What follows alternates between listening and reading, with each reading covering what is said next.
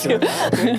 Met een scherm. Ja, Er zit een knopje en als je alleen daarop duwt, dan gaat daar een lampje je gaat branden. daar een SOS-lampje aan. En dan- weet Tom dat hij moet doen alsof het een technisch probleem is. Dus, dat is wel nut voor. Maar ik krijg zo geen knopje. nog. Nee.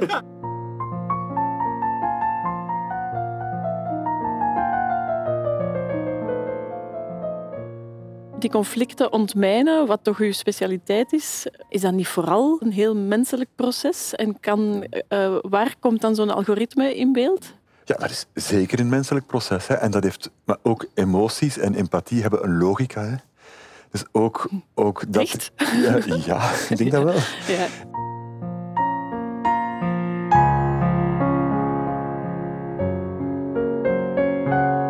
Meekijken, ik vind het zo, het is, het is schoon en inhoudelijk, maar het tempo ligt wel heel hoog.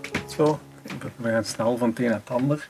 Voor het in de montage gewoon te laten vloeien. Dus ik voelde van, ik denk dat het goed is Even, om, even een break te maken.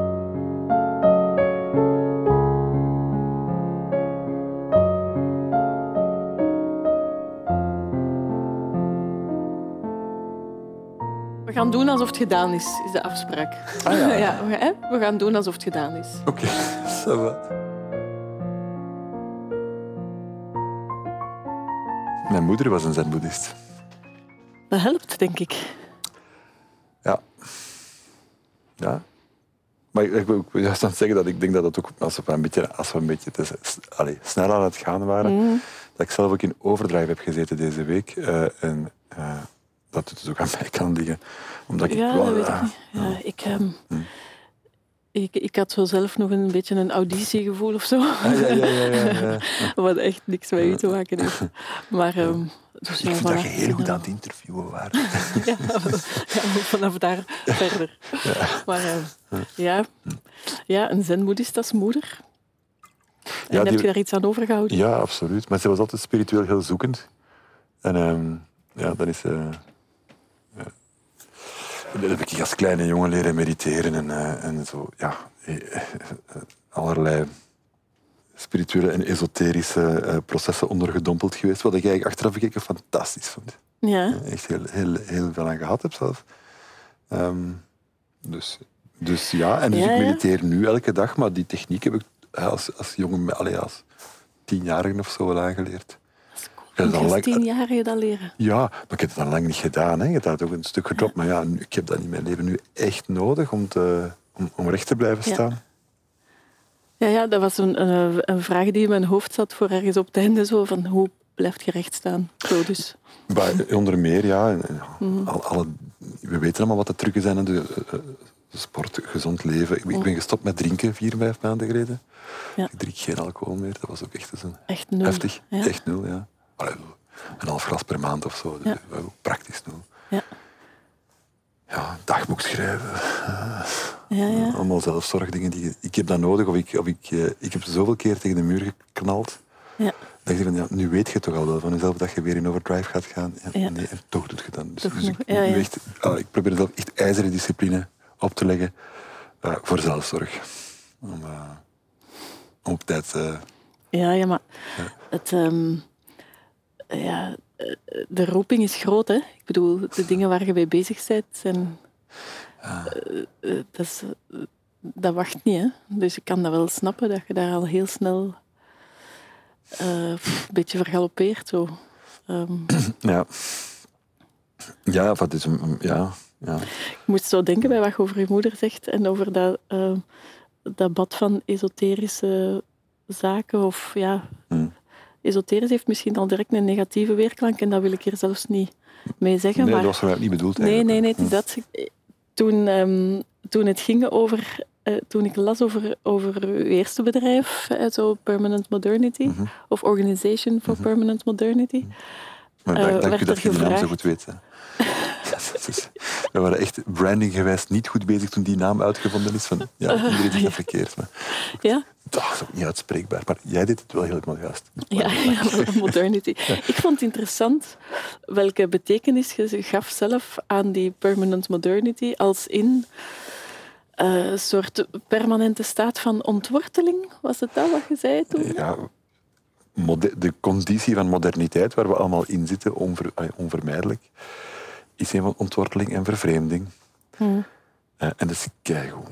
Dus dat, is, dat, dat houdt in zich de potentie tot emancipatie. Emancipatie van uh, uw eigen cultuur, van uw eigen vooroordelen, van alles. Dus je kunt je bevrijden van dat alles wat u in de gevangenis steekt, eh, de cordon waarmee je opgroeit. Hmm. Of waarmee, waar je denkt dat je vandaan komt. Dus daar zit iets heel bevrijdend, emanciperend op het niveau van ver, eh, door vervreemding, door uw ontworteling. Dus je, wordt, je, je wordt ontworteld van je streek. Dus je weet dat die bewust dat je dus van een bepaalde streek komt en dat er andere streken zijn die anders zijn. Mm dat is een ongelooflijke leap of consciousness als je dat kunt beseffen. Dat is het begin van bevrijding. Maar is dan de, de, de prijs die je betaalt voor die vrijheid van dat inzicht van er zijn behalve mijn streek ook nog andere streken? Het lijkt alsof de prijs die je daarvoor betaalt bijna een soort van eeuwige heimwee is of zo. Hè? Dat mensen mm. nu ook wel niet meer weten hoe het is om ergens thuis te zijn. Mm. Of, uh... Ja, ik denk dat dat eigenlijk heel gezond is. Uh, ja. Oké. Ja. Hoezo? Ik, ik, ja, goed. Ja. Um,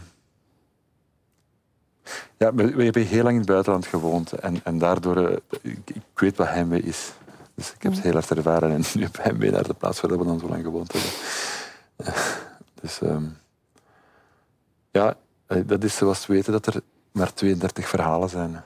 Dat alle verhalen reducible zijn naar 32. Of weten dat, gelijk welke naam staat, weet je op voorhand welke karakters je gaat tegenkomen in een project. Ja. Dus ontnuchterend, ontluisterend, uh, mysterie weg, uh, maar ook wel heel bevrijdend. Als je dat weet, dan moet je ook niet meer daar te veel druk in maken. Dat, is een, dat laat een vorm van onthechting toe, die je dan... dus grotere abstracte storylines of, of problemen waar dat je dan niet meer moet mee bezighouden. Terecht, want die zijn eigenlijk niet zo interessant. Laat u toe om je meer te focussen op het concrete met uw medemens en met uw concrete problemen waar je aan kunt werken, die, die echt een verschil maken. Het is een beetje vanaf dat je dat weet. Ja, kun je meer terug. Ehm, kun je niet meer terug, ook niet, niet meer naar het gezellige tribale gevoel, zo bedoelt je dat? Ja, ik dat gemeenschapsvorming heel belangrijk is. Ik geloof daar ook enorm in. Dat dat ook, in die zin ben ik een apologeet voor nationalisme. Ik vind dat we veel zwaar, zwaar misprezen en onterecht uh, onderuit geschoffeld. Um, omdat dat, als dat positief... Eh, en dat is de Amerikaanse ervaring dat ik dat zeg. Omdat patriotisme, en dat zeer inclusief gedefinieerd is, ja, voor heel veel mensen ook echt een, ook, ook wel een vorm van bevrijding toeliet eigenlijk. Hè. Mhm. Maar ik heb gelijk dat dat heel, heel, ja, op zich dat koud en ontnuchterend, wat ik daarnet schets. En dus ja, daarmee alleen kunnen we het ook niet doen. Er is nood aan gemeenschap, aan gemeenschapsvorming. Heel belangrijk. En dat kan je op vele niveaus doen kan je in je geloofssysteem doen, dan kan je met taal doen, dan kan je met etniciteit doen, met, met gender. Ja, ja. Doet me denken aan Jeremy Rifkin, ehm, die zo een, een, concept lanceerde ook over die empathic society, waar hij zei, ja, het, het enige wat we te doen hebben is onze empathiekring die in zijn nauwste versie alleen uw gezin en uw eigen mhm. vrienden is. Mhm. En dan uw, uw, uw, parochie op een bepaald moment. En dan op den duur werd dat de eigen vlag en het nationalisme. En, um, Bij sommige mensen zit de dierenwereld daarbij in, of toch de huisdierenwereld zit daar dan bij in. Kunnen we die, dat was zo zijn uitnodiging, van kunnen we die empathiecirkel uitbreiden tot gewoon alle mensen of alle levende wezens, mhm. zo, maar met hetzelfde met dezelfde mildheid of zo, die je anders naar je eigen cirkeltje hebt. Dat is een interessante oefening, zo, mm. die Empathic Society, maar daar zijn we toch ver vanaf. Hè? Ja. Zo. Ja, en ik denk dat de oefening om solidariteit te verbreden, hè, dus uit, na empathie volgt solidariteit, dus je kunt je welvaartsstaat organiseren daar waar dat je empathie toont. Dan ga je herverdelen voor al die mensen, iedereen meepakken in een soort van risk-sharing verhaal. Ehm, ja, waarom niet breed opentrekken? Maar dus ik denk dat je daar, denk dat dat zo, zo... Alsof de grote unificatie, hè, dat is ook nog zo'n... Waarom, moeten wij, waarom moet er een grote unification zijn? Wat is daar nu eigenlijk goed aan? Het is, draagt dat niet het risico van een, van een ongelooflijk autoritaire structuur te gaan worden, maar mm. dat je dus niet meer buiten kunt staan. Het feit dat je ergens moet kunnen buiten staan, is voor mij de grootste garantie op vrijdratten een deurtje weg. van het systeem waar je nu in zit. Als je- en dus dat je dat zo inclusief definieert, vind ik eigenlijk ja, heel... eh, het is, een, grote, een gevangenis. Wel een grote, maar toch een gevangenis. En je kan er niet meer uit. Ja. Het is wel grappig dat je een empathic society als een gevangenis voelt. Misschien is het, misschien is het de sympathie die je niet moet willen, maar wel een soort van hetzelfde soort empathie dat je hebt voor, ja, voor zo de, de, de zatte onkel of een ambetante tante zo, die, die je niet noodzakelijk leuk vindt, maar ja, die is er nu ook. Ja. Ja. We moeten het ermee doen. Ja. Zoiets. Inderdaad. Ik weet niet of dat empathie is hoor, maar ik vind die connotatie met gevangenis wel, eh, wel grappig. Ja, zo van, eh, het gevoel dat iedereen er moet bij horen is eigenlijk juist beklemmend. Ja. Of zo.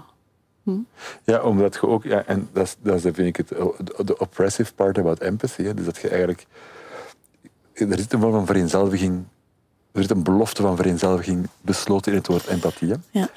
En, en eh, ja, dus als je met te veel mensen dat moet doen, dan ja, Ja, ja, ja. ja. Het doet mij ook denken aan wat je zei als advies in, ehm, eh, aan burgemeesters. Dat was een gesprek eh, over, de, over de stad na corona, denk ik, waar je zo zei van vier de, als je een advies zou moeten geven aan burgemeesters, vier dan het verschil. Ja. Of zo. Eh, als, u, als een bepaalde wijk wat anders is dan de rest, accentueert dat nog maar wat, in Ja. plaats van te willen in dat soort zaken. integreren of zo. Ja. Voor, voor mij is dat een argument ook in, in relatie tot, eh, ja, ik zal maar zeggen, de verdichtingskerk. Hè. Dus het feit dat wij Mm.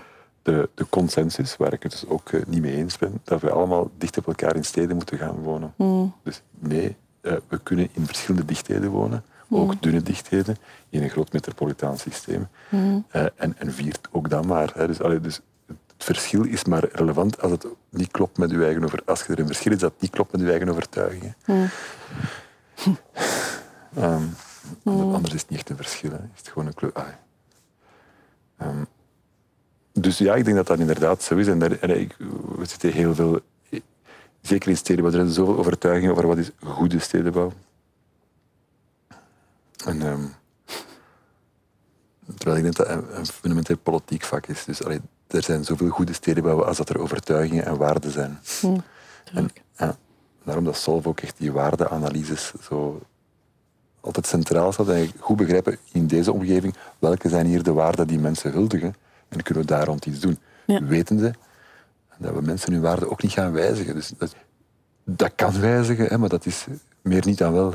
Dat is wel... Ja, dus, dus Kant zei dat ook al. Hè. Dus ja, je zit met een... De werkelijkheid komt uw ogen binnengestroomd en uw oren en valt in schablonen die al voorgevormd zijn. Overduidelijk, hè. Ja. En dus ja, die wijzigen is wel wat. Ja. En dan, is, dan bestaat jullie vak in het veruiterlijken van iets dat daar min of meer bij past, zo, waar, waar die mensen... Ja, zo vul ik ons vak voor een stuk in. Ja. De meeste van mijn collega's hebben een duidelijke eigen overtuiging en willen die aan, vinden dat iedereen daarin moet eh, inpassen. Mhm. Dus ik geloof daar van niet in. Zo maak ik het onderscheid met mijn collega's. Omdat ik, ja, Dan zet je een soort eh, beddinghouder of zo van wat er al is. Ja, dus je kunt mij verwijten dat in die zin dat er, dat er een conservativiteit in zit, omdat je eigenlijk zegt, ja, ik ga niet iedereen overtuigen om helemaal anders te gaan worden. We gaan die mensen aanvaarden zoals ze zijn en we gaan iets doen wat hun waarde viert. Ja, dus, eh, we bouwen een kathedraal voor iedereen. Eh, en iedereen bouwt eraan mee en, en iedereen zijn kapelletjes voor elke overtuiging.